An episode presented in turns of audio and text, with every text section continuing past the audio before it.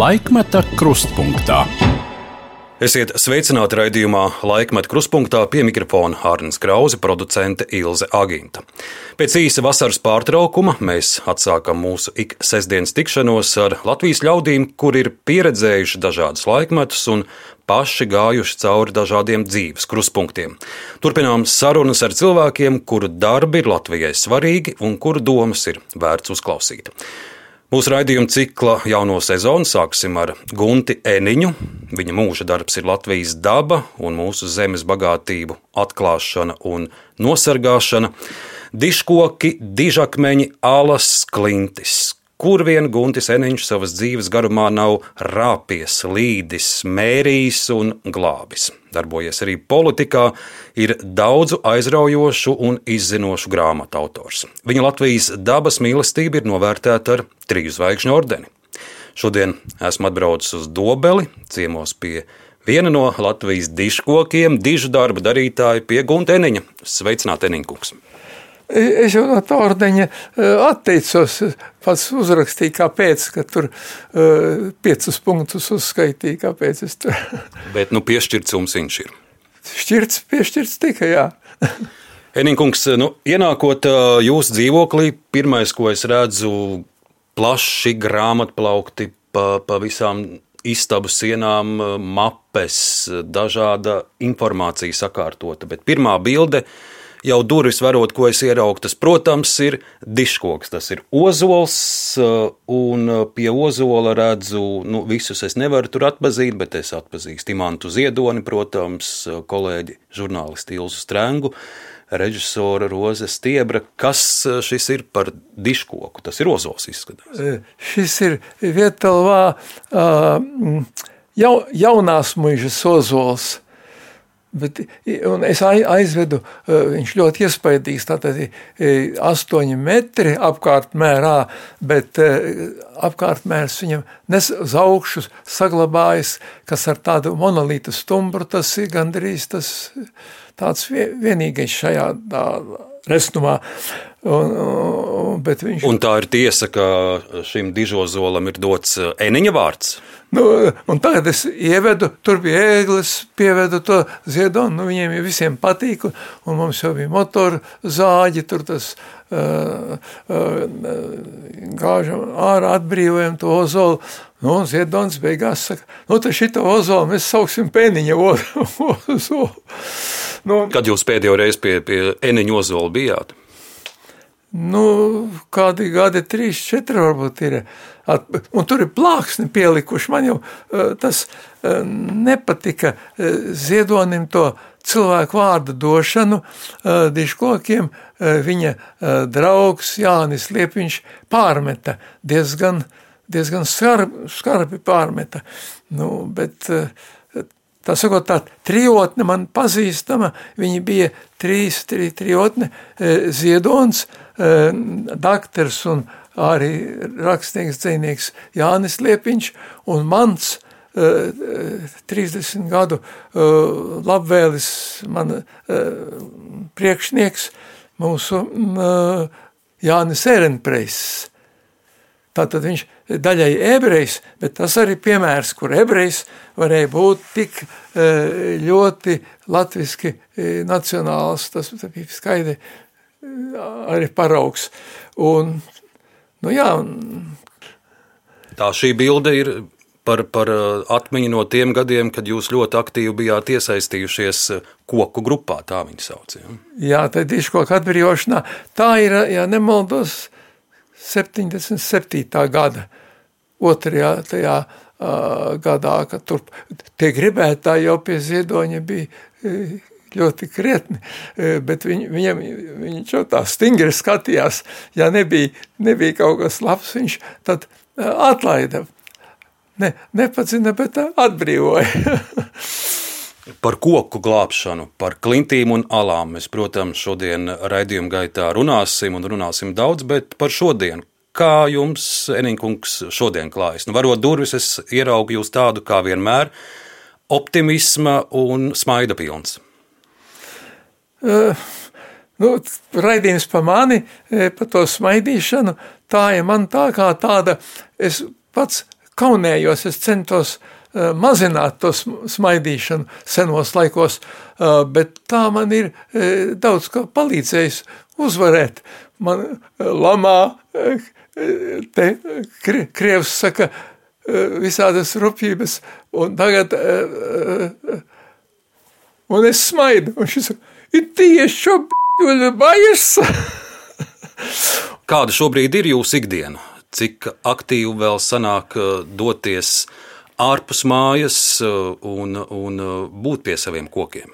E, ar šo gadu jau mazāk, tagad, kad Covid, ka bija jau samazinājās tā, bet man bija tagad tādi mm, Mauriņu ģimene, Uldis Mauriņš un viņa kundze Anda, viņ, viņ, viņš kā traks braukāja un ļoti vadā, ne, es, es te vadāju, viņš jau neko, es braucu, kur gribam, mēram, te pa kurzem un, un visur, kur tos diškokus, bet šogada strēķī man gandrīz e, nav. Ne, es uztaisīju vienu diškoku atbrīvošanu šeit pat e, tajā e, mūsu Dobeles rajona Krimūnu pagastā. E, tur bija ar, ar impro autobusu e, tie, kas pa, e, strādāja un, un lieliski to atbrīvošanu veica un tur arī uzfilmēja vai ne. Nu, tagad dodoms jau ir, protams, braukt un turpināt. Nākamgad jums, Eninkungs, ir cienījama apaļ jubileja. 90 gadi. Nu, tādam vienam uh, dižozolam tas jau ir tikai tāds ieskrējiens dzīvē, bet, bet jā, kā, kā jūs uzturat sevi šajā mūžumā un mundrumā un enerģijā? Agrāk es lasīju, ka jums rīti sākās ar rīta vingrošanu. Vai ar vienu tā tas turpinās? Nu, tā es gribu darīt un cenšos. Tā vingrošana ir diezgan varbūt dīvaina, nu, centīga. Nu, pastāstiet par to dīvainību. Es, nu, es saprotu, arī piemēram stāvēšana uz galvas ar rokām. Joprojām 89 gadu vecumā. Jā, varu. Es jau vēl uztaisu arī to otru uh, variantu šitā, tikai es horizontāli stāvu uz, uz rokēm uh, noskatījos. Bet nu, man tā kā tas vēders nav tik labs, lai viņš labāk strādātu, tad, tad kad es uz, uz galvas pastāvu, tad, tad tā kā dažreiz tas palīdz. un, un arī cenšos to vingrojumu, kad kāju aizliktais pakauša, vairs gluži neizdodas, bet nu, tā, un, un, un es sapratu, ka tādi tie maksimālie vingrojumi ir diezgan būtiski, tādi izstiepieni pamatīgi, e, vai un atkal, lūk, tas, un man dakteri jau, jau pirms desmit gadiem, ka es teicu, ka es uz, kā, nu, ko tu to līdz izbeidz stāvēt, tās, bet man ir kā es saku, vēdera dēļ, jāstāv vairākas reizes naktī.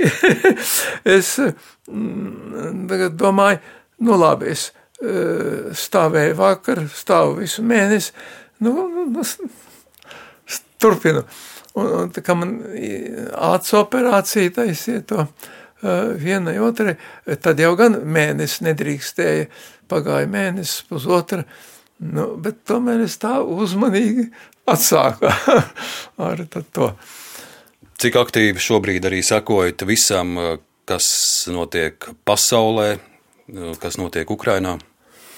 Jā, pasaule mani, es gribēju teikt, nomāca, bet pareizāk ļoti satrauc, satrauc tas cilvēces briesmonis, kas ir šajā laikmetā, un, un es lasu ļoti labu avīze, ir Latvijas avīze, viņai kā nacionālā, kā tiešām kā latviska nacionāla avīze, un, un, un nevar nelasīt, jāskatās, un tas man laiku paņem, es, es zaudēju no sava, un tagad sevi iekšēji aizliedzu, ka nē, televīzija vairāk neskatīšos. A, nu, nu, nu, labi, to uh, panorāmu, nu, labi, tur vismaz kas notiek Ukrainā, jāredz ir. un, un Bet tas, jūs iesākāt runāt par to, kas, kas jūs satrauc, par to, ko jūs nu, redzat. Satrauc, kas notiks ar pasauli. Man jau pašam uh, vairs necik daudz nav atlicis. Ah, es saprotu, cik man nomāc, man gribas dzīvot, jā, jā, pēc iespējas ilgāk un, un, un tā varošāk. Man, piemēram, nu, labajā celī tā osteoporoze bija, nu, viņš tur dod kaut kādas drapītas, nepalīdz, beigās saka, nu, labi, rakstīsim uz, uz operāciju, jaunu cēli ieliksim. E, bet es turpinu staigāt e, un pāriet. Pie veselības mēs vēl atsevišķi parunāsim, bet, bet es gribēju paturpināt par to, kas, kas šobrīd notiek pasaulē saistībā ar karu Ukrainā vai, vai kādiem citiem satricinājumiem. Kā jūs uz to visu raugaties? Es raugos uh, satraukti, uztraukti. Cilvēki daži saka, ka uh, pat gulēt nevar uh, šīs ārkārtējās, ka tāda nekaunība, mm, slepkavošanā, pilsētu graušanā var būt mūsdienu pasaulē, kad, kad tika pārmācīts Hitlers savā ziņā mm, padomju savienība, Gorbačovs bija tas, kas arī labojās, grib, gribēja laboties uz, uz, uz tādu normālāko demokrātisko pusi, jo, jo nevarēja pastāvēt. Un, un tagad ir viens pasaules, nu, meklē tos vārdus, uh, briesmonis un, un, un, un, un ko nu tur vēl, uh, terorisms, jā, valstiskais, bet, bet nu, tas, tas, es nezinu, ne, nenotiek nekādas izmaiņas, kas tālāk būs. Man, man ļoti satrauc tas, ka var būt šausmīga traģēdija. Gals pasaulī. Vai jūs esat arī domājis, kā līdz šim uh, karam nonāca?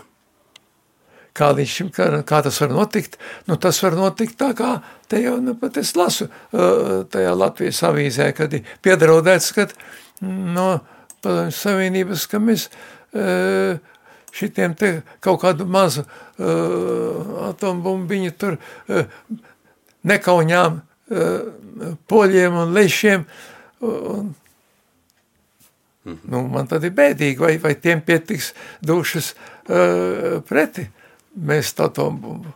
Kas jūs satrauc, vai varbūt gluži otrādi liek ar optimismu raudzīties, vērtējot notikumus Latvijā šobrīd, kas ir tas satraucošais un kas jums ir optimistiskais? Nē, Latvijā man ļoti atkal tas pozitīvais ir, ka tomēr parādās cilvēkos tik daudz tā labā, vis, visās mazās, kad, kad Ukraiņus uzņem, valsts dod to, un, un satraukums pret tam uh, sabiedriski ai, palīdzībai Ukrainai. Ir tā, uh, teiksim, piektā kolona, tā uh, Krievi, starp kuriem es nekad nedrīkst nosodīt tautu kā tādu, vai ne? E, tur ir, ir kas gan ebrejs, vai, e, bet kad, e, nu, tieši starp tiem, tiem krieviem, kas te ir Rīgā, ir liels procents, puse un vairāk ir, kuri ir, ir atbalsta par Krievijas karu pret Ukrainu.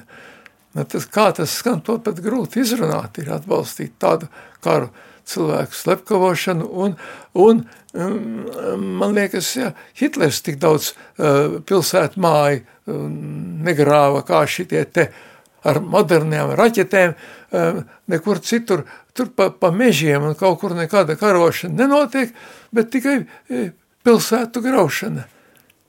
Slimnīcas, e, bērnu dārzus, e, nespējnieku namus, pat šito karagūstekņu nometni tas ir kaut kas eh, šaušalīgs un ļoti baismīgs.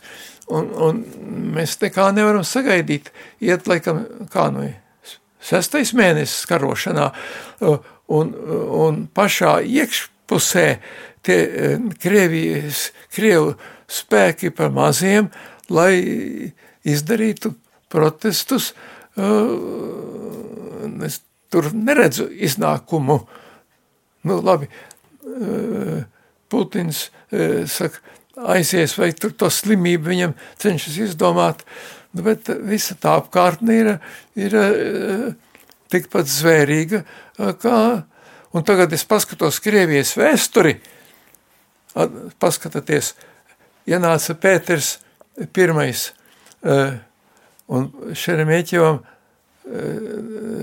deva rīkojumu, tā sakot, posti pēc iespējas vairāk visu noposti.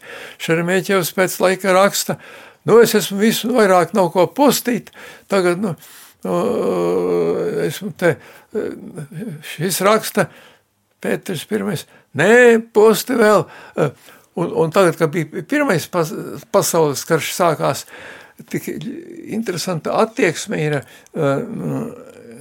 te Krievu armijas virspavēlnieks bija pats cars Nikolais, jā, toreiz. Nu, un, un, un tur ir tā, ka vācieši, nu bija domāts vācieši visi kopīgiem spēkiem sakaus. Nē, vācieši pēc laika ie, ieiet jau kur zemē, nāks uz priekšu. Nu jā, un kad vācieši, un tad bija e, no Krievu armijas obligātā pavēle skanēja tā, e, nodedzināt mājas, nodedzināt labību, ja nedeg labība, labība jānorullē, un sākās bēgļu gaitas, visa kurzeme tika tā ar piespiedu, ar varu. Nu, bija kas nepaklausīja, kas nebija paklausījuši, bēga ārā, un tā bija Latvijas zemē tā pati lielākā traģēdija par tiem, kad apmēram miljons tiek rēķināts nokļuva e, Krievijā bēgļu gaitās, dibināja māni, tā, nu, bet tālāk neizgāja pa vidzemi, vai ne? No lietām, kas vēl satrauc ļaudis šobrīd, daudzus īpaši seniorus, tas ir skats uz rudens pusi, apkurss sezona, kādi būs rēķini, kas būs ar, ar, ar tarifiem, cik daudz jūs par to domājat. Jums ir gana plašs dzīvoklis, vai arī par ziemas laiku jau ir jau prāts nodarbināts? Nu, es īstenībā nedomāju. Tā, tāpēc tas neko, es tur nekā nevaru uh, darīt, kā tās cenas ies. Uh, man ir savi diškoku glābšanas un uh, Latvijas ainavas saglabāšanas domas, un nu, es tagad deputātos nekur neesmu, nu, ko es, es neko tur nevaru līdzēt. Man atliks vien vākt vēl, vēl kas ir kontā saglabājies, nu, tad cerībā izdzīvot. Galvenais man ir domas, lai, lai no, pamatīgi logus un, un, un balkonu durvis, lai, lai nopakot. Tas, tas būtu jūsu padoms arī, arī, arī citiem, ja, lai, lai kaut kā rāda nu, siltāk. Tagad pierādās, cik svarīgi bija tā uh, siltināšana un ka tika uh, tā māja renovācija. Tā, nu, varbūt nepietiekami tika pat darīta, bet tagad tur, kur tā renovācija izdarīta, tie nu varēs uh, krietni uh, no, ietaupīt. Un vēl viena šī rudens ziņa, protams, ir saimnes vēlēšanas. Mēs neminēsim kādas konkrētas partijas vai jūsu favorītas, bet, bet vai jūs domājat, arī jau esat izšķīries, par ko balsosit un kā raugaties visu šo priekšvēlēšanu laiku, kas notiek, un kāds, ņemot vērā, ka jūs pats esat bijis saimā, ar kādām domām un prognozēm jūs sagaidat 14. saimu? Nu, tagad es gandrīz pievienojos tas, kas Te Latvijas avīzē rakstīts, ka, ka tur ļoti labs tas feļetons ir, ka tur, e, kā nu viņš tur runā, līdzītis vai ne, pļur, ļur, kad, kad, kad pilnīgs tāds, e, tādas, tās, nu ļoti putra, kas, cik tur ir 19 partijas, kaut kādas sīkpartijas, skaidri zina, ka iekšā netiks, bet gaisa maisīšanas dēļ e, piesakās. As, e, nu, nu, Tātad cilvēkiem uz to gan vajag apdomāties, es, par ko tad, lai balsot pat tādām, kas jau, jau kaut cik zināma, jo ar, ar viens neizšķirs. Runājot par putru politikā, kā jums pašam, atskatoties jau uz saviem gadiem, politikā nenācās arī nedaudz saputroties. Nu, ja pieminam, piemēram, to epizodi, kā jūs pie populista zīgarista nokļuvāt. Kā jūs tur nokļuvāt pie viņa? Tāpēc, ka man kaimiņš bija aicināja jau mm, pirmo un stāstīja un tā. Un, un tad es kaut kā būtībā man pienāca laiks, jau tā reģistrācija bija sen beigusies, un es domāju, domāju, kaut kāda avantūriska doma, un es zvanu tam. Kaimiņš bija jā, žēl, ka es tagad nevaru vairs atcerēties to uzvārdu. Uh, nu, viņi tur draudzējas visi kopā ar Kostandu, un, un es, es zvanu, saka, es, es pārdomāju. Viņi, ā, mēs pašlaik stādam sarakstu. O, tam es, nu labi, labi, tam es, un čau man, mani ierakstu. Un jūs ievēl sastajā saimā. Jā, un uz, uzreiz ievēl. Un es saku, Bet, bet es jau biju nu, ļoti tāds rekā, nenopietnis. Tagad es redzu, ka tas mm, zigerists apvienojas ar Jurkānu, un, un man sanāk nē, dusmas. Vēl nav saimas pirmā sēde notikusi, ka man draugs, es tam biju pateicis, ka tas atsauc televīziju, es atsakos no izstājos no tā. Frakcijas. Bet, bet partijā jau es nemaz nebiju arī iekšējais. Tur, teiksim, es paziņoju jau pirms tam, bet ja šie būtu, viņi vēl cerēja, ka mani pierunās laikam, bet varēja mani, bet tagad tā nobalsošana, tie tomēr tur apstiprina, un tā es tur kā brīvdomātājs turpināju ņemties šo laiku un jūsu darbību Zīgarista vēlēšanu listē, un arī pēc tam jūsu aiziešanu no frakcijas mums palīdzēs atgādināt arī fragments no panorāmas 1995. gada 20. oktobris.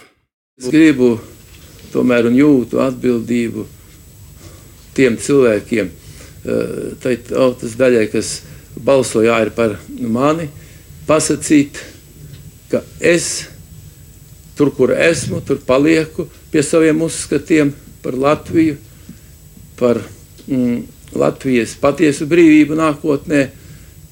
Un aizgājuši ir viņi. Un lai man lūdzu, kungi, jūs no, no partijas vadības nepārmetiet, ka es esmu uh, aizeju, pāreju, vai pārdodos, vai pārpērkos.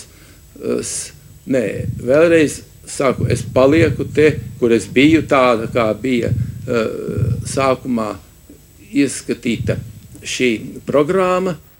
Es gibt 16 Abgeordnete von Tautas Kustība Latvijā. 16 tautas kustības Latvijas deputāti. Äh, hier sind 16 Unterschriften von allen, die sich verpflichten für die neue Koalition. Arī ir 16 paraksti, kuri parakstījušies par jā vārdu šai koalīcijai. Äh, ir ein freier Wissenschaftler. Eniņš kungs ir dabas pētnieks, zinātnieks, brīvs Aber cilvēks. Es gibt überhaupt gar keine Zweifel an seiner Loyalität für diese Koalition. Bet šeit gan nav ne mazākās pazīmes kaut kādai viņa nelojalitātei ne, ne pret šo frakciju. Diese Koalition, šo koalīciju. Für diese Koalition stimmen alle 16 Abgeordneten. Un par šo koalīciju balsos visi 16 kustības Latvijas deputāti. E Nu, tā 95. gadā saka Zīgerists, bet uh, visi 16 par Čeveru nenobalso, Guntis Eniņš nenobalso. Neno, nenobalso, jā, tā kā jau es to uh, pateicu. Nu, spriedzi iekšējā bija ļoti liela, un man iespaidoja, protams, arī ir mm, sabiedrības viedoklis, cik visi nosodoši skatījās, bet ir pagājuši pēc tam, ko es piedzīvoju visu saimas gadījumos, tad, tad es varu pateikt, ka Zīgeris jau laikam nebija vēl pats sliktākais. Es tagad tādu skaļumu pasaku. Tā tāda. Pēc tam jūs arī darbojaties nākamajās saimās, un, protams, esat daudz kāpis tribīnēs. Ir bijušas daudz jūsu runas. No šī politikas laika es vēl gribēju uh, atskaņot vienu fragment. Tas ir 98. gads, un uh, toreiz saimas deputāti lemj par deputātu pensijām, kas būs 75% no mēneša algas, un arī par izstāšanās pabalstu, ka, ja deputāts zaudē amatu, tad viņam ir pabalsts tūkstošu latu. Ir spraigas diskusijas no sājuma tribīnas, un tūlīt arī dzirdēsim, ko šajās diskusijās toreiz teica deputāts Eniņš. Gribu mūs aicināt šodien, mūsu pēdējā likumdošanas dienā, pēdējās varbūt savā darba stundās, nezaudēsim godu. Deputāti, tad kāpēc tagad jūs pataisiet sevi par lupatām, parādot savu netikumību? Saima faktiski degradējas tādā nozīmē, ka pastāv iespēja šeit plūst brīvām naudām, pirkt balsis. Tas mums jālūko pārvarēt. Ja mēs neieliksim šo pamatu nākošo saimu darbībā, mēs nekad nepārvarēsim to postu, ko mēs pašlaik piedzīvojam. Dzirdam arī dramaturgu Paulu Putniņu. Šo sēdi atceraties vēl? Es, es uh, atceros, ka es uzstājos uh, pret to, ka man kauns ir, uh, un man tur skrēja virsū, kam tur vēl asaras acīs tie citi sēdošie deputāti varētu piesaukt vārdos, bet es saku, ka, es, ka, ka man ir kauns sev, kad es nekad Un kā tā ideja tur radās toreiz? Kas to, kas to ideja, es nezinu, kas to nāca. Ka to tur žigli viņi bija sacepuši tādu, ka pēdējā dienā, pēdējā stundā uh, pielikt saviem deputātiem uh, algas.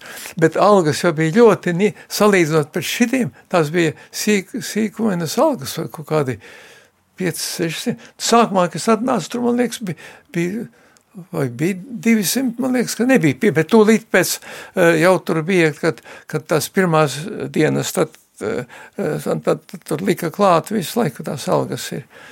Salīdzinot ar tiem laikiem, eh, šobrīd politiskā kultūra, saimas darbs ir, ir, ir uzlabojies, kā jūs vērtējat?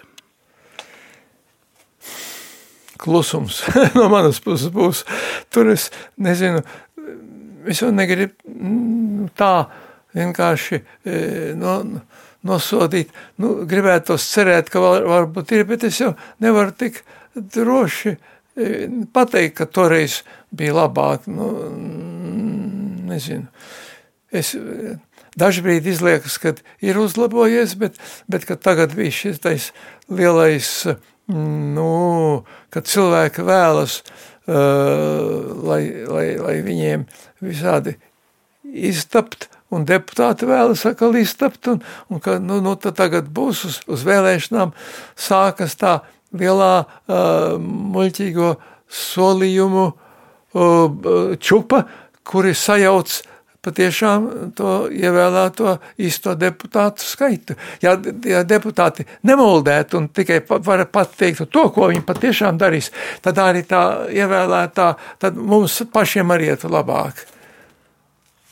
Un kā jūs vērtējat to, ka šobrīd socioloģiskajās aptaujās gana daudz ļaudis saka, ka viņi nemaz neies uz vēlēšanām, ka viņiem vairs neinteresē politika, un ja pagājušajās vēlēšanās 54% balstiesīgie devās, tad šogad ir prognoze, vai, tad, vai pat knapi 50% aizies. Tad tas ir visbriesmīgākais, lai varētu būt, ko tad, eh, jā, kopumā tas pūlis nemāk izvēlēties, un izvēlēties nav arī pat viegli.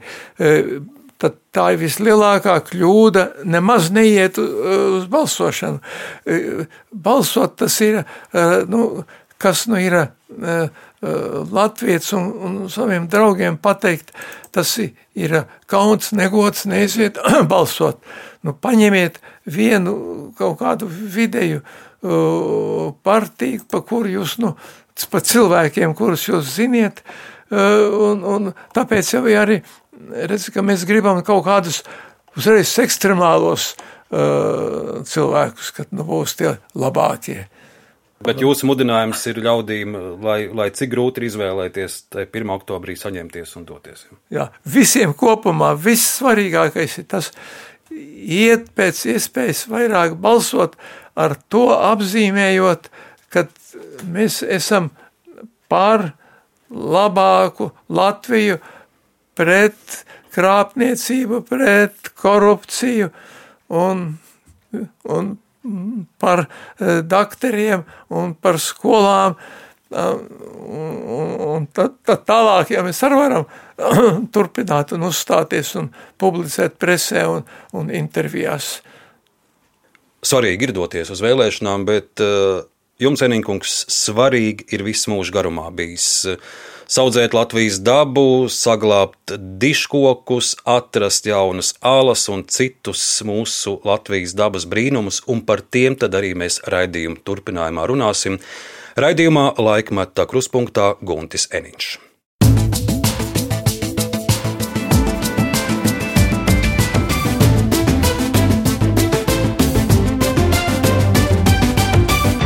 Laikmeta krustpunktā. Eninkungs, nu, diškoks droši vien var uzskatīt un var saukt par visvecāko dzīvību Latvijā, un tie ir neskaitāmi simtiem diškoku, kuriem jūs savu roku esat pielicis, kurus esat eh, attīrījis no krūmiem, kuriem esat devis jaunu dzīvību. Ir ļaudis, kas saka, nu, tāpat kā cilvēkam vecumā piemetas visādas kaitas, un agri vai vēl viņš aiziet, līdzīgi ir arī kokam Kamdēļ, lai tas koks būtu mākslīgi jāstutē un, un, un jāpagarina viņa vecums, cilvēkam ir savs vecums un, un kokam ir savs vecums. Kamdēļ jūs viņus glābjat, stutējat un par viņiem tā rūpējaties visa mūža garumā? Šis manā mūžā otrais tāds līdzīgs jautājums ir um, jautāts uzdots. Uh, nu tad es saku, ka es um, arī diškoku pacelsim augstākā līmenī, tāpēc, ka viņš ir tāda vērtība ar savām, man teikt, kaut kāds saraksts, kad, kad es kādas 15 un 16 diškoku vērtības var uzskaitīt. Un, jā, mēs jau arī, tā tad mēs savus lopiņus ārstējam, kāpēc mēs neatstutētu uh, diškoku, kāpēc mēs viņu neatbrīvotu, kāpēc mēs viņu nedziedinātu, ka viņam tur ir noplēsta uh, miza, uh, tad, tad jau arī cilvēkam saka, nu, lai viņš tur tāds vecs un, un greizs nemaisās uh, jaunajiem pa uh, kājām, uh, un, un, un, un ļoti pamatoti, piemēram, visrūpīgāk, kā es e, noprotu, e, Eiropā, pasaulē e, diškokus aprūpē Vācija. Jau, man liekas, kādu otro gadsimtu tas tā notiek, ka viņi liek neskaitāmas stutes un sevišķi ap liepām viņi taisa tādus riņķus lielus, ka tie, tie zari tik gari nokarani, un tad ir tādi riņķi pat vairākos stāvos, kur viņi izglāb. Nu, viņu savu visvecāko ozolu fantastiski viņi ir atrakuši, bagātinājuši tās saknes, ir salikuši, sastatējuši, tā kā tur var mācīties no, no, no viņiem. Jūsu koku glābšana ir dokumentēta arī vairākās filmās. 80. gados es jums, Senīkungs, piedāvāšu noskatīties mazu fragment no telefilma Rīga 1982. gadā veidotās filmas Dabas pieminekļi. Filmas scenārija autors esat jūs un teksta autors Aivars Freimanis. Paklausīsimies fragment. 1982. gads. Kādas desmit cilvēku paudzes ir nomainījušas cita citu. Uz pieminiektu piedestāliem rāpušies un kā vecas bekas krituši ķēzari un cari un prezidenti. Mēri un kari pļāvuši mūsu mazo tautu, kamēr zaļo senču ozols, dižākais Latvijā, Baltijā un varbūt arī visā Padomju Savienībā. Dzīvība kas ik pavasarī kāpj augšā pa šo te stumbru un ieplūst šajos te zarošajās lapās, tā ir Padomājiet tikai, visvecākā dzīvība Latvijā. Latvijas lielākā ieva dzīvo Rīgā, tāpat kā mēs tik ļoti daudzi, mūsu bērni, mūsu mazmazbērni.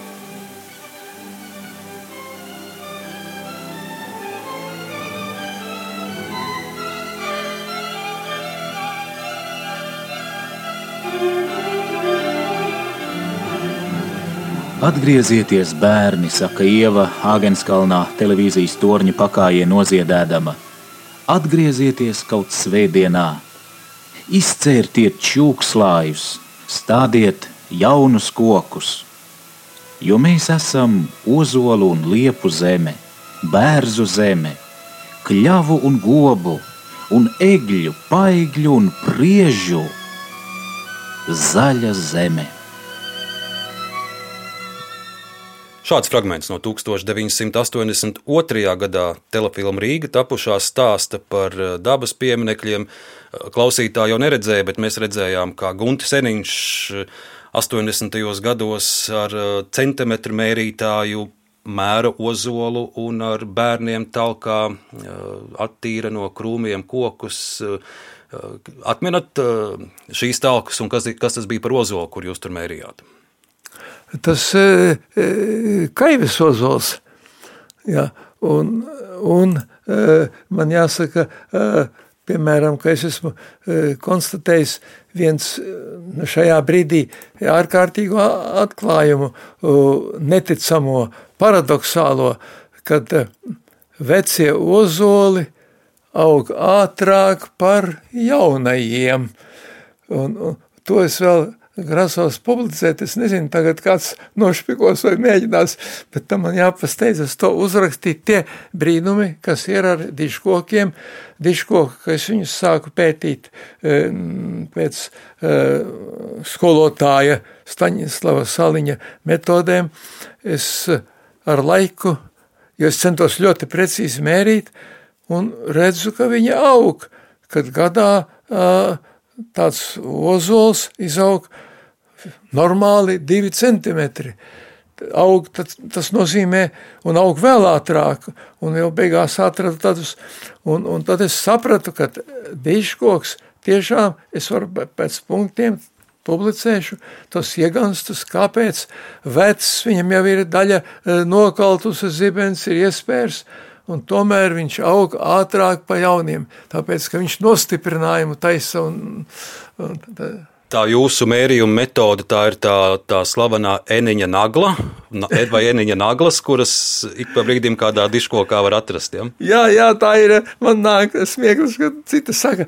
Un, un tāpēc gribēdams, kad es pēc uh, gada dažiem nonāku tur, man neticēja, uh, es lekciju stāstu par to mērīšanu, ka lūk, tas ozols ir uh, tur 8 metri, 92 centimetri. Kā jūs, ko, ko jūs tur ākstaties, ka tas 2 centimetrus taču jūs nevariet pateikt? Es saku, nu, es varu gan 2-3 centimetru un arī 1 centimetru, kad man ir tā metode, kad es tieši pa to pašu vietu, lai es nomērītu nākamā reizē to mērlentu, Un uh, tad es to stingrību dabūju, ka es viņu pa, paru, mm, pavelkāju uz priekšu atpakaļ, lai viņa atrod pati arī iegulst vistaupīgākā vietā. Un tādā veidā es pēc lūk, bija secinājums, un es nevienam neteicu, ka es redzu, ka tie diškoki ir divas un trīs reizes jaunāki kad, eh, kad nav tādi tūkstošgadīgie un, un, un arī 600 gadīgie.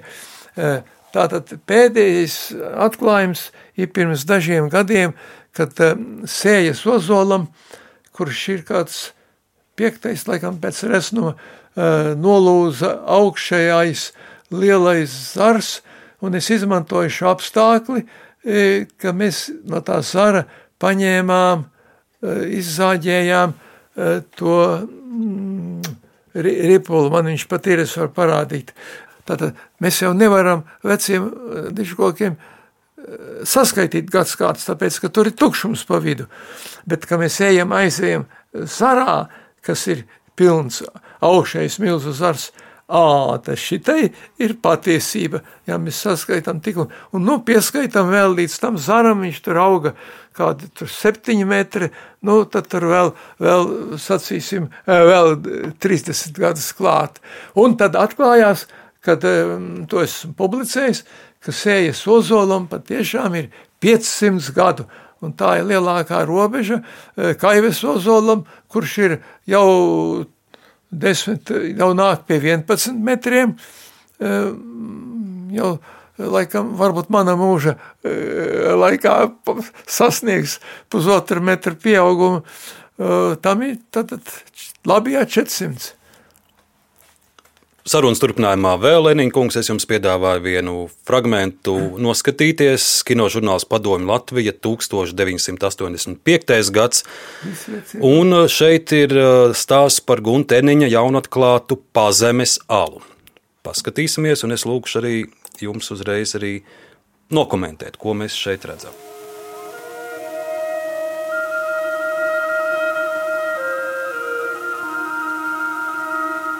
Vai ka tas krieviņš tas ļoti labs?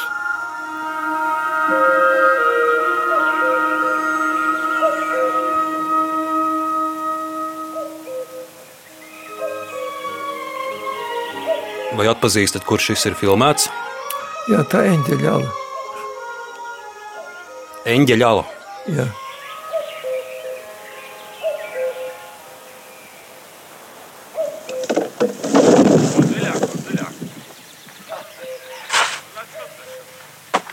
Re, Eniņš atkal meklē zeltu.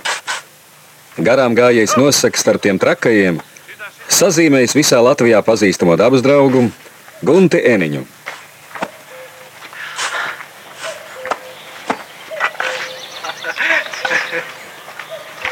Trakais eniņš meklē zeltu. Tā. Bet eniņš tikai smejas un saka, vai tas patiešām nav zelta vērts? Mūsu mazajā republikā, kur viss krustām šķērsām izmērīts un reģistrēts, pēkšņi atrast kaut ko tādu.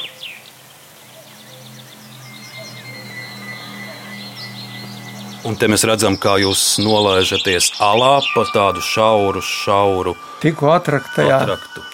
Tajā, šajā alā neviens nebija bijis vēl iekšā. Un ko mēs tagad redzam? Un tā kā mēs nonācām iekšā, tur, tad tur pēkšņi liela telpa un ūdens un ezers. Ir kas viņu dēvē par svētdienas zinātnieku. Nu, bet ja viņš svētdienā atklāja vairāk nekā viens otrs īstais zinātnieks pa visu nedēļu,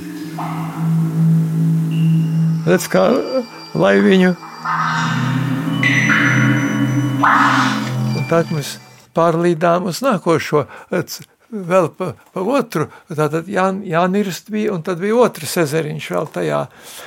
Tas ir uh, Limbažu rajona vējiņi, vējiņu mājas.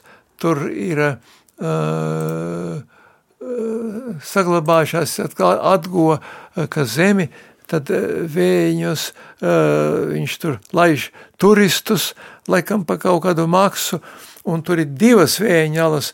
Viena ir vēja upe sala ar eh, arī mm, kaut kas gandrīz 50 metru, un šitā te vēja ezerāla, un, un tur ir Elles bedres, kritenes kādā spiet, visa tā pazeme ir, ir eh, un tur pie reizes atklāja arī jaunu nezināmu pilskalnu, vēju pilskalnu kad Urtāns pārbaudīja, jā, patiešām Pilskalna uh, lietas tur atradās. Par ko es brīnos, es esmu lasījis agrāk jūsu intervijas, kur jūs esat teicis, ka tā dzīvē vispār jūs esat diezgan tāds nu, piesardzīgs. Ne, ne gluži bailīgs, bet tāds, tāds tramīgi piesardzīgs. Bet šeit es skatos, kā jūs lienat tajā alā, kur, kā jūs sakat, neviens vēl nav bijis. Uh, ne piesardzība, ne tramīgums. Kur tajā brīdī rodas tā drosme? Nē, tur bija patiesībā tā, ka tagad attaisiet to caurumu vaļā, rakām, rakām, kamēr mēs ieraugam, sajūtam, ka ir tukšums. E, un tas, bet tas caurumiņš pavisam mazs, tagad šie liek man laisties iekšā. Nu, viņš pirmais lien. Es ielaižos, es jau arī gar augumu esmu, es iešļūts līdz padusēm esmu iekšā, un kājas man trinās bezgals telpā. E, man, man paliek Un tam man paliek lūk, baili, kur es kritīšu, kur iekritīšu. Un es saucu viņiem, raujiet mani laukā, un viņi aiz rokām mani izrauj. Nu, tagad jāpaplašina tas uh, caurums. Plašina, un tad līda Andris. Es pat nezinu, vai, vai, vai es jau gan neteicu, ka es baidos, bet nu, šie laikam manīdami, kad es tāds pirmā ielienu Andri, Andris Urtāns, biologs,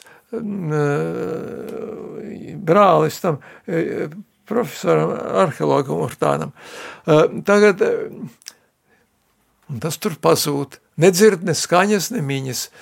Nu, jāiet ir, tad jālaižas iekšā.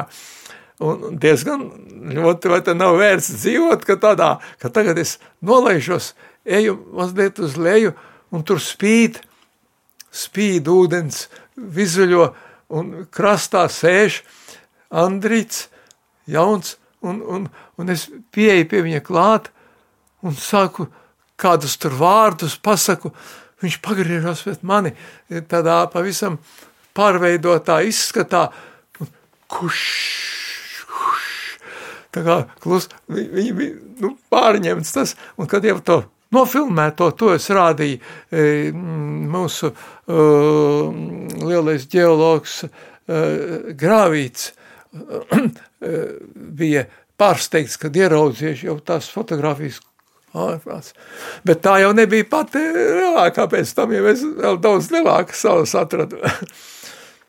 Un esat atradis nevienu diškokus un ālas, bet arī dažādus īpašus akmeņus. Un arī par tiem viens stāsts Latvijas kronika 1991. gadā tapusi dokumentāla epizode. Dabas pētnieks Guntis Eniņš un vidas aizsardzības kluba biedrs Ansis Opmanis pie Vēlna akmeņiem Alūksnes rajonā.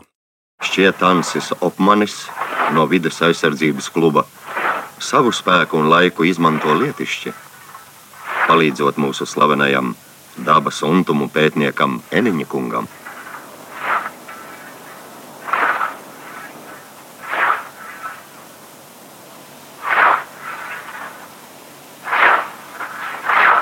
Pagāniskais vēlams, viņš varbūt ir kādreiz pamuļķojās, kādreiz izdara blēņu, bet viņš ir kā savējs ar cilvēkiem. Neļauns, neļauns. Šajā dokumentālajā filmā mēs redzam, ka jūs ļoti daudz arī šos eh, darbus esat dokumentējis ar fotoaparātu. Savs liktenis, sava dvēsele. Arī šim puļķu vēlnākmenim. Raugoties šo fragment un arī citus, es redzu, ka jums vienmēr ir, ir eh, pie rokas uh, zāģis vai cirvis, bet kaklā vienmēr arī fotoaparāts, jo jūs laikam daudz to visu arī fiksējāt un dokumentējāt. Fotoaparāts, eh, līmeņa rāžu un augstumēri, eh, kas lai katreiz Un galvenais mērlente līdz vienmēr jābūt ir. Eh, un, bet, bet es priecājos, tas ir Sergejs Nikolājevs, Krievs, kurš tā mīlēja Latvijas uh, senatni dabu, viņš uztaisīja uh, labāku filmu pa, pir, pa pirmo uh, diškoku filmu dabas pieminekļiem. Un es dzirdēju Sergeju Nikolājeva balsi, un man mm, pārņem lūk, skumjas, ka, ka viņš jau ir aizsaulē. Un piemērs, kad, kad, kad tik ļoti nacionāli patriotisks, latvisks e, krievu cilvēks. Vēl viens fragments būs no 2001. gada, kur es vēlos jums atskaņot. Tas ir stāsts panorāmā, kur autori ir Mirza Tupiņa, un e, toreiz tiek e, dokumentēts, filmēts, kā Gunte Seniņš un citi brīvprātīgie glābja Kaives ozolu.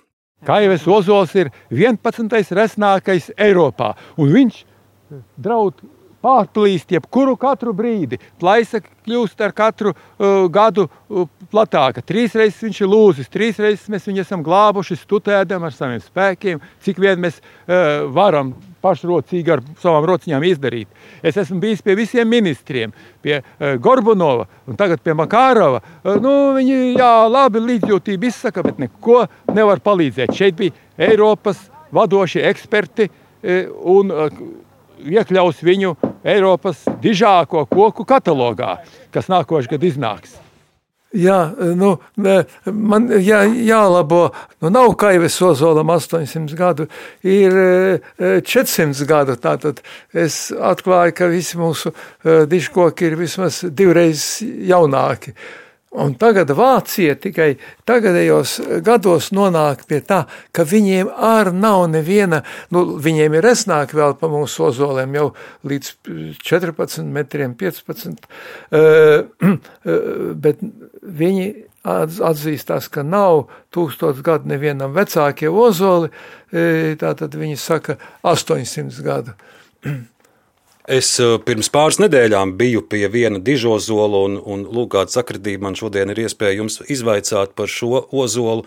Tas atrodas eh, Berģos, tur Juglas pusē, un es lasīju, ka agrāk tur ir bijušas, eh, bijis projekts būvēt attīrīšanas iekārtas, un, un tas ozols atrodas tādā kā bedrē, un es saprotu, tur arī ir eneņa roka, eneņa pirksts, ka šis ozols ir izglābts nu, tas, tas viņa apkārtmērs bija iespaidīgs. Ka, katl, kalpiņu, katliņu ozols, jūs Kalti, noteikti kaltiņu. Kaltiņu ozols, nē, Rīgā uh, dižozoli ir postīti padomu laikos un tagadējos laikos, tas ir brīvās Latvijas laikā. Kaltiņu ozols viņam bija, tur viņam aiz tās kāpas ir personāla, pensionāru lepnais atpūtas nams bija. Un tagad tiem grib iztaisīt savu notekūdeņu savākšanu tur. Bet tas bija padomu laikos, 80. gadsimtā. Jā, tas bija. Tātad, un jūs uzrakstat vēstuli partijai, un partija toreiz reaģē uz jūsu prasību jā. glābt ozolu, un ozols vēl šobrīd dienaug. Un dzīves, jā. Redz, partija centrāla komiteja palīdzēja šai gadienā, nu, es ņēmos, bet eh, es arī citos gadienos esmu izglābs. Pats galvenais, man jāpasaka, mans lielākais e, mūža darbs, ko vien esmu panācis, ir, ka esmu izglābis Latviju tūkstošus, es esmu mērījis ne jau, ne jau simtus, tūkstošiem ozolu, e, tagad jau mums ir zināmi ap 20 tūkstoši, bet es esmu izglābis vairākus tūkstošus diškoku no ka melorātori viņas kolhoza zemē, melorējumās zemēs spridzināja. Viņi nevarēja izraut, ar traktoriem neizdevās nozāģēt, izgāzt un zāģēt, tad viņi bija uh, katru gadu izspridzināja vairāk par tūkstots ozoliem. Un jūs bijāt tas, kas panāca, ka šo spridzināšanu aptur. Jo es, uh, nu, es teikšu, es, es aicināju palīgā Imantu Ziedoni, uh, Jakubāns, taisiet sumlak, daudz rakstnieki. Tad nāca uz padomu jaunatni, kur tos savu rakstu es biju publicējis par to spridzināšanu, nāca tik daudz vēstuļu, kad visā līdz tam laikam, līdz 78. gada, padomu nebija saņēmusi. To man apliecināja tas, un tur bija pilns, un tad čekas darbinieki tur brauca, arī lasīja tās vēstules, un es pats, nu, nebija atlika, atliku uz vēlāk, un kad nu es gribēju braukt pēc, pēc pusgada, oi, viņi saka, mēs jau tās izgāzām, kur tam mēs glabāsim tik daudz. Tas bija kaut kas līdzīgs, ko izdarīja uh, uh, Dainis Ivāns ar, ar Daugos ap, apturēju. Nu, tas ir vēl lielāks, bet tas, ka uh, tika saglabāti daudzi tūkstoši diškoku, tas, tas bija lielākais mans uzvaras uh, mirklis. Cieņa pret diškokiem, mīlestība pret dabu, tas tās saknes, es pieļauju, jums jau ir jau bērnībā dzelzavas pusē, kur jūs arī pa kokiem un, un, un, un pļavām dzīvojāt, un par šo laiku jūs 1997. gadā stāstat raidījumā tēvu laipa šaizemē. Raidījuma autori Ingrīda Stroda noklausīsimies fragment, kur jūs atceraties savu bērnību dzelzavas pusē. Guntis Eniņš un Dzelzava. Joprojām ir šī saite. Nu, pat es biju pirms dažām nedēļām savā, kā es saku, dzimtenē. Tas nekas, ka es piedzimu Rīgā, bet uzaugu un savu apziņu ieguvu tur dzelzavā. Un Boka ezerā peldēdamies un ķonēnu mājās strāzdu svilpošanu klausījos. Tā ir viskaistākā vieta. Un tagad arī pārbraukdams no Bučauskas krustojuma, ir kāds vārds Bučauska.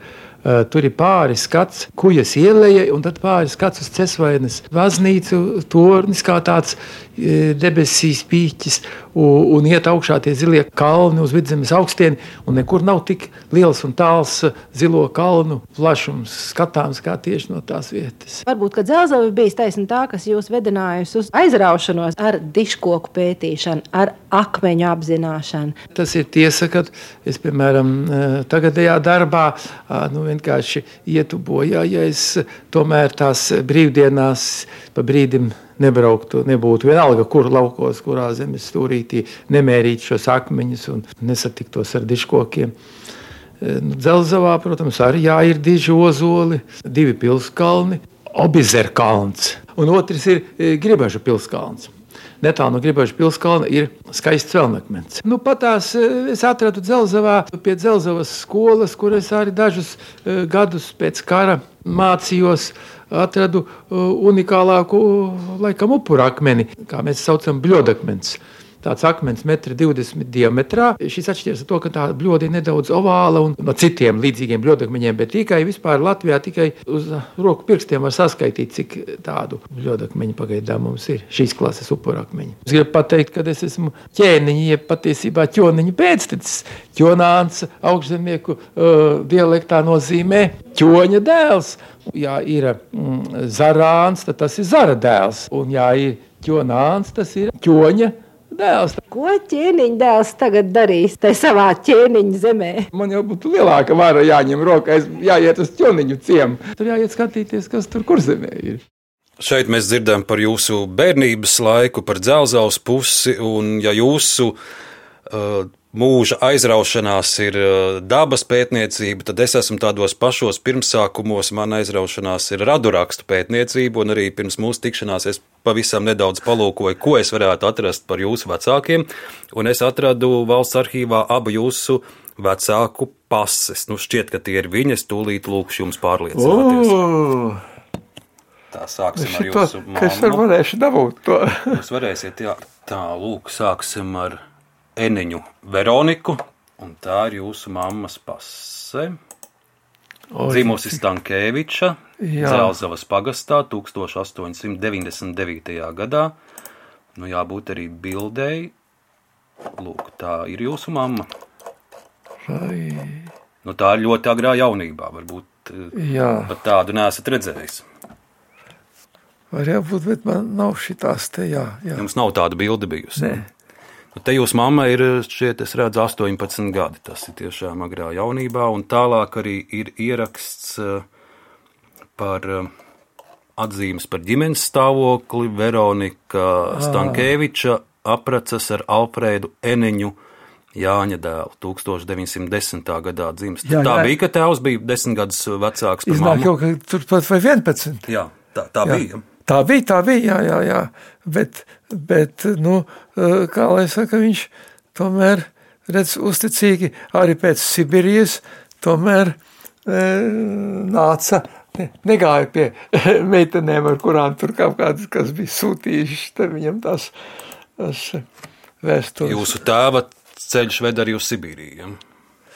Viz, jā, uz Sibīriju. Es tad nebiju Rīgā. Tur bija mans brālis Andris, kad notika tā tēva uh, cieta saņemšana. Bet viņam bija interesanti. Viņš nosēdēja visu laiku. Viņam bija astoņi gadi piespriedēt kaut kādā apmēram nu, 40. Kad Rīga ieņēma, tad tas ir nu, 45. gadā laikam jau, uh, jau, jau viņa. Tad jau viņš atnāca eh, mājā, tā, kad es biju ar- armijā, viņš tika mājās tikai. viņam par, par pārāk plašu dzīvesveida uh, vešanu vajag. Un lūk, ir jūsu tēva pase, jā, jā, un te ir arī jūsu tēvs 18 gadu vecumā. Jā, 18. Un te ir rakstīts, ka viņam ir divi vārdi - Alfrēds Laimonis seniņš. To.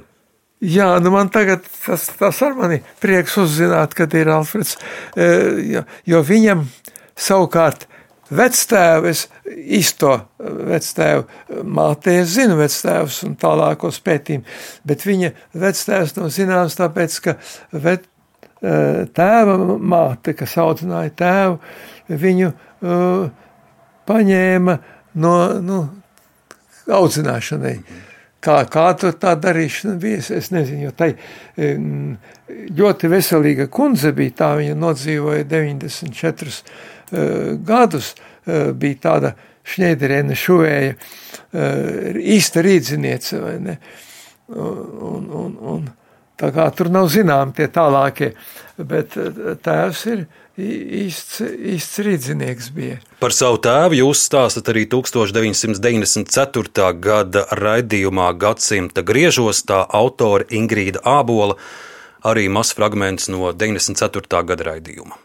Ziniet, ka man nees prasījis, nees lūdzies, man pienāca, nu tas jau diezgan sen, jau pirms pāris gadiem, vēl ar Latvijas PCR zīmogu, kad uh, mans tēvs, tātad, protams, viņš ir miris, ka viņš ir rehabilitēts. Es sajūtu lielu apkauni, es gribēju iet, es, uh, tas laikam vai nebija uz janvāra dienām. Es uzskatu, ka kāpēc vispār tāda rehabilitācija vajadzīga? Kā var noziedznieks rehabilitēt savu upuri? Saprotiet, jo vispār šajā te okupācijas komunismu sistēmā taču nevarēja palikt būt godīgs cilvēks, nenotiesāts vai neizsūtīts uz Sibiriju.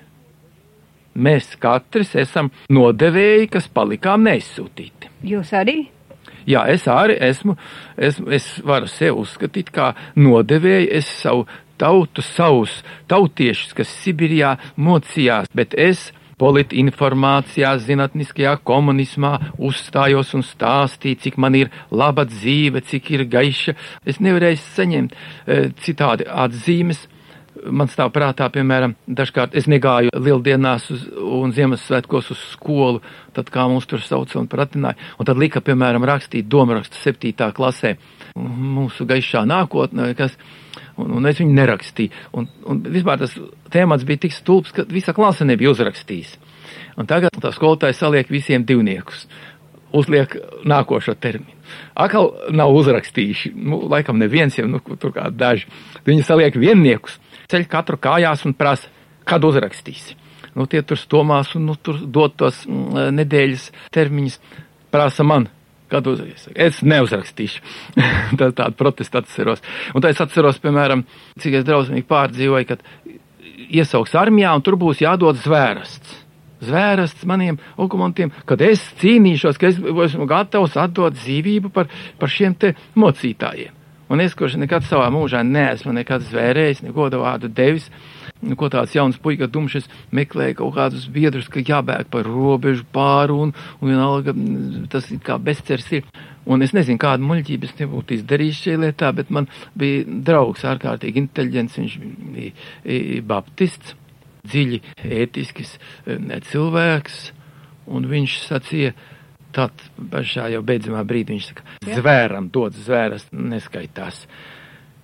Nu, un, un kad viss tas tur pienāca līdz tam brīdim, kā mums apmācīja, tad es sev iekšē ar mieru izrādās, ka, ka bija no lapiņas jānolasa. Tad es sev iekšē teicu, nu, nu es vienkārši nolasu, man es ar vāru esmu piespiests nolasīt šo te.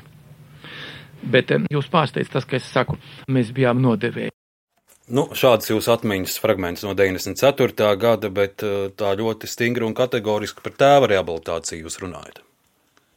Nu, tur man vairāk nav ko piebilst. Es, esmu ļoti, es biju piemirsis, es esmu ļoti e, loģiski atbildējis.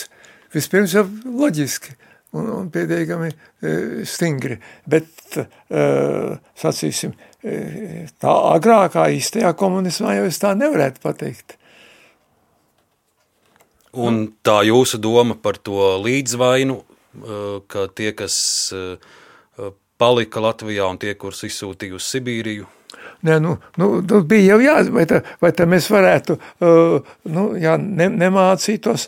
Uh, lietuvieši sastājās partijā vairāk, un tad viņi uh, varēja noturēt savu valsti uh, pašiem tautiešiem. Jūs pats, pats bijāt partijā?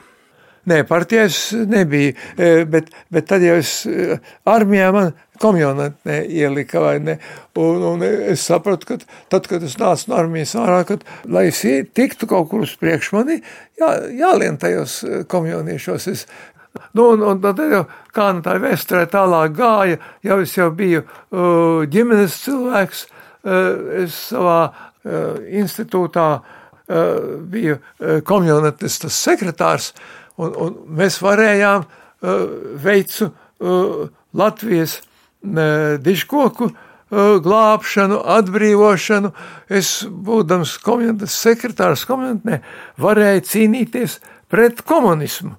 Es veidoju izstādi par dabas aizsardzību, kā posta dabu un pierādījumi, ne, un, un tā tam Te ir jāpiemina, ka 22 gadus jūs strādājāt arī Latvijas eksperimentālās un klīniskās jā, jā. medicīnas zinātniskā pētnieciskā institūta, vēža šūnu ķīmijas laboratorijas, elektromikroskopijas centrā par vecāko inženieri.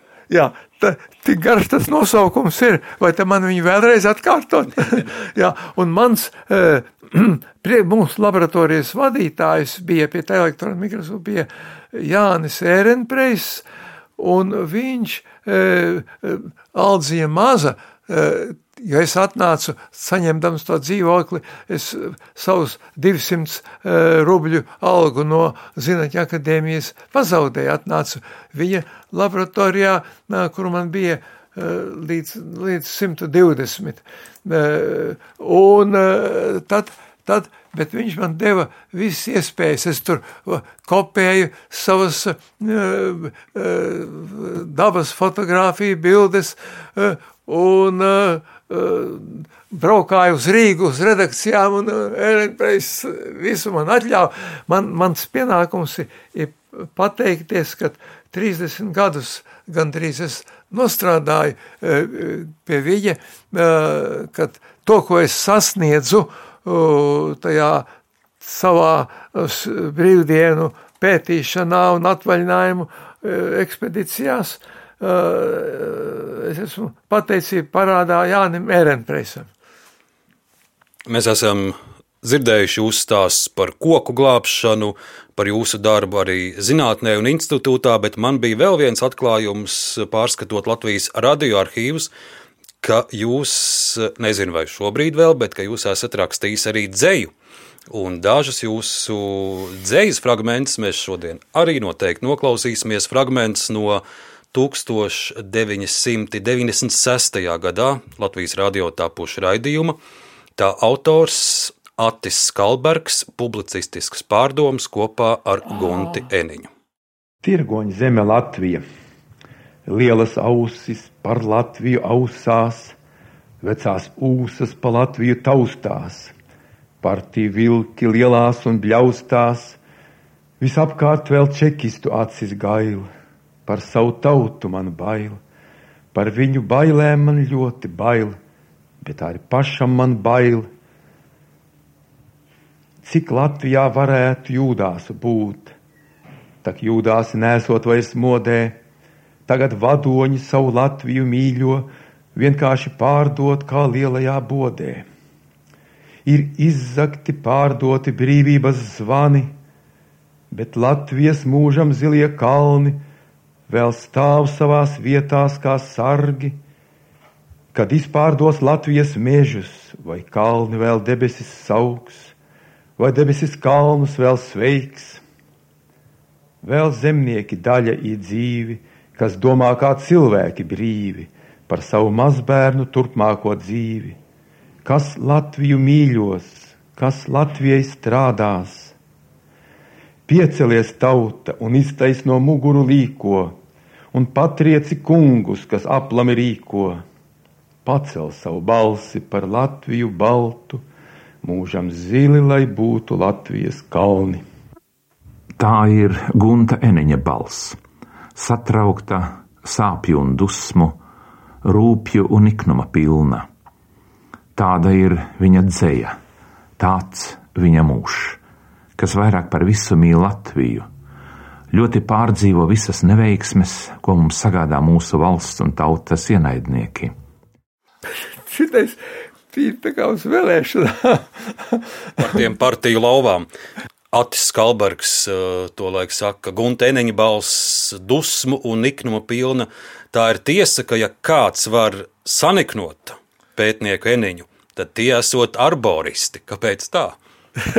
nu, arboristi un, un arī, arī, arī dabas aizsardz, aizsardzībnieki, kas ieņem amatus un, un, un īstenībā tā vietā, lai sargātu diškokus, viņus ņem un nobendē.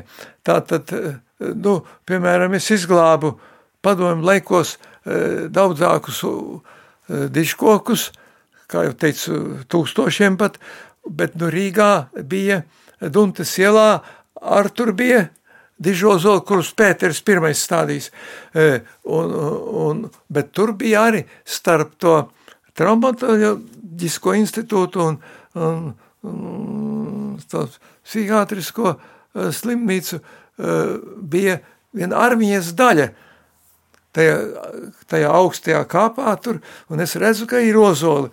Un man jau bija sabiedriskā inspektora apliecība, un es mm, e, e, zvanu pie durvīm tam dežurantam armijas čalītim, saku, visi vaimeņā dežurno pa častinu. Tātad, lai izsauc to dežurantu, nu, kādu atbildīgo virsnieku. Atnāk mai, viens majors un, un, un laikam arī kapteins, nu, es rādu savu to apliecību, Tātad tas jau, nu, jā, vai bija 80. gads, es neceros īsti. Jā, es saku tā un tā, ka man jāapskata šitie ozoli. Nu, viņi ļāva apskatīties. Nu, žēl, man laikam, es tomēr biju bailīgs fotoaparāt, netik paņēmis līdzi. Es nomēru, viss viņi ar tur pietur palīdz, tur bija kādi četri dižozoli, un tas viens uh, atrodas viņiem pie tā uh, KPP, kaut kad laikam kontroļno propustai punktu vai kā, tāda budka tur, tas to ozolu viņi zāģēs nos, tāpēc, ka viņiem jāuztaisa lielāks tas KPP. Es tad iekliedzos nikni. Ko jūs? Tie Pētera pirmā stādītie ozoli šitā te izauguši pa šitiem 200 gadiem, jūs tā tā tā zāģēsiet un nenozāģēja, bet arboristi nozāģēja. Arboristi. Jā, tagad brīvās Latvijas laikā pēc 20 gadiem um, atnāca um, zāģēs. Tur ir uzceltas mājas, tagad tas tā militāra vairs nav, jauna, moderna, pat tu, kam tu tur sagribās. Tas, ko izdevās saglābt uh, jums padomu laikos, to, to tagad neatkarīgs gados. Brīdī, tagad tur bija tā, ka uh, uh, atnāk, uh, viņš uh, milicijai izsauc, tagad te zāģēs nostozo, lai, lai, lai policija, bet tagad tie atkal pretojas, atsauc to uh, dabas aizsardzības pārvaldes priekšnieku visu, un tas stāsta televīzijā, nu ir televīzija, kas ozols ir iztrupējis no pašas augšas līdz pašai apakšai. Šo teicienu viņš divas reizes atkārtoja tur. Un kad ozolu nozāģēja, tur bija tie bluķi, un tos Julita Kluša ir nofotografējis, un mums viņi saglabāti tie fotografijas. Neviena trupējuma nav. Tātad tie jau uh, vairāk kā 200 gadīgi koki. Es arī domāju, ka te izturpējuši, nu, lai viņi būtu izturpējuši, vai tad lielie ozoli ir uh, bez, bet bet ka var šādu te, tur tak vajadzēja iesūdzēt ar vārdu, ka tad attiecīgā uh, uz prokuratūru par pa šo te neizdarību. Un, un, un arī Jelgavā tādā veidā nocirta uh, dižozolu, uh, kas bija no, no hercoga laikiem, arī 5 metri resnis, ka viņam dobums ir Un to viens varens arborists ne, tā un tā sastādīja uz četrām lapas pusēm, aktu uz priekšu, atpakaļ. Tur viņi cīnījās un, un, un tad to, tomēr no, nozāģēja. Sāka zāģēt tā kā malēnieši no augšas un, un tas tagad guļtas ozols it kā tādēļ, ka viņam dobums, kas spīd gaisma cauri, bet mūsu uh, otrais lielākais dižozols – arī tur, tur sajiet iekšā 15 cilvēku, un tur gadskaitļi ir iekšā no 1890. gada. Simt vairāk kā simts gadu tur tas ozols stāv ar saviem, ar saviem ievainojumiem, ar savu tukšo dobumu. Arboristu lielākā muļķība ir raustīt, un, un tā ir nodevība, eh, kad eh, jāzāģē jā, nu, cilvēku glābšanai. Vēl pagaidām neviens dižozols nav nevienu cilvēku nositis. Nu, es pilnīgi jūtu jūsu balsi. Ja tiešām kas var saniknot ēniņu, tad, tad tie, tie ir arboristi. To es, par to es tagad pārliecinos. Jā, tagad viņi, tad viņi man sūdzēs tiesā, kā man piedraudēja pēc tiem rakstiem, ko es esmu rakstījis. Mēs, protams, nevaram pieminēt visus jūsu dabas darbus, arī, piemēram, Jums ir laimējies pirmoreiz Latvijas vēsturē uz smilšakmeņu klintīm atklāt uh, senās maģiskās zīmes, bet par to droši vien vēl būtu vesels rēdījums jātaisa. Bet, Eninkungs, vai jums ir, ir tāda droša sirds par to, ka kas turpinās jūsu iesākto, jūsu koku glābšanu?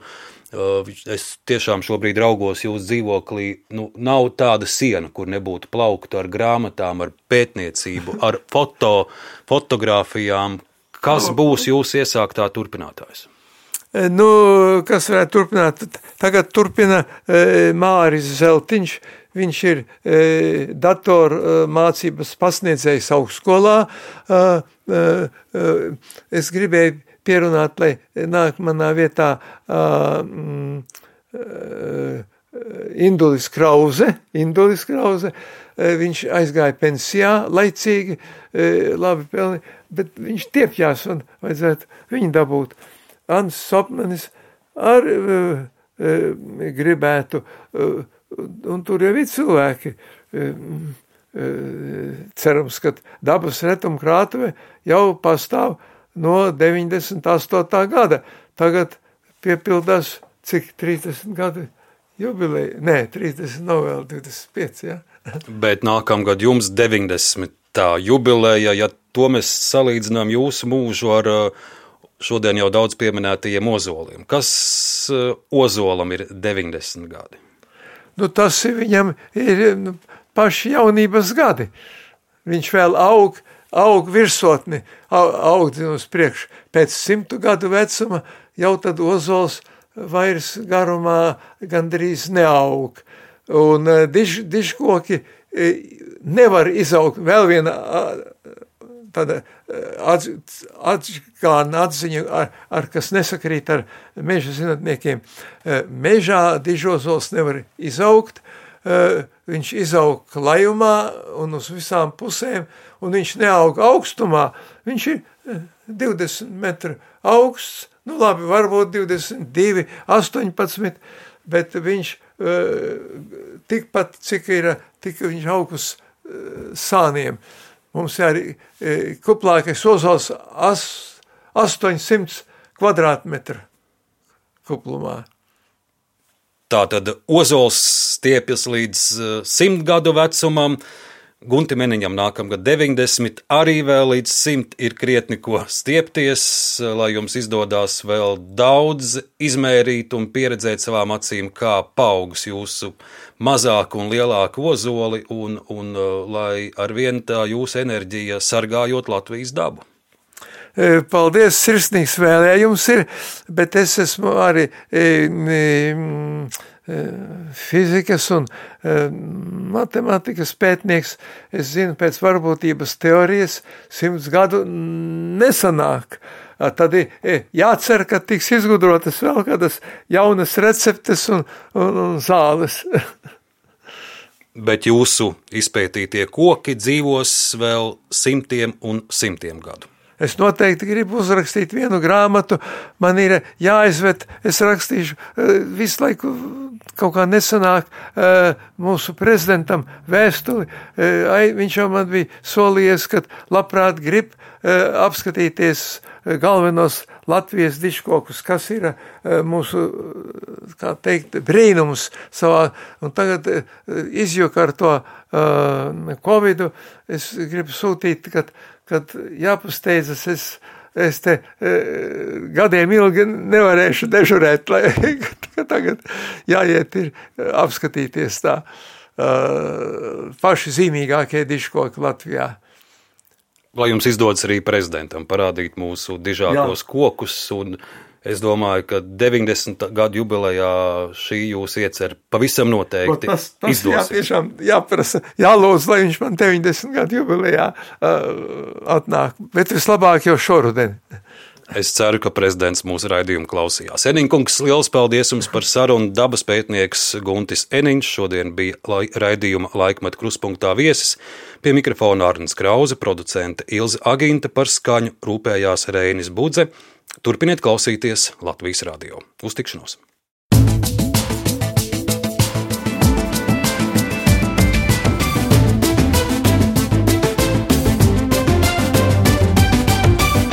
Laikmeta krustpunktā.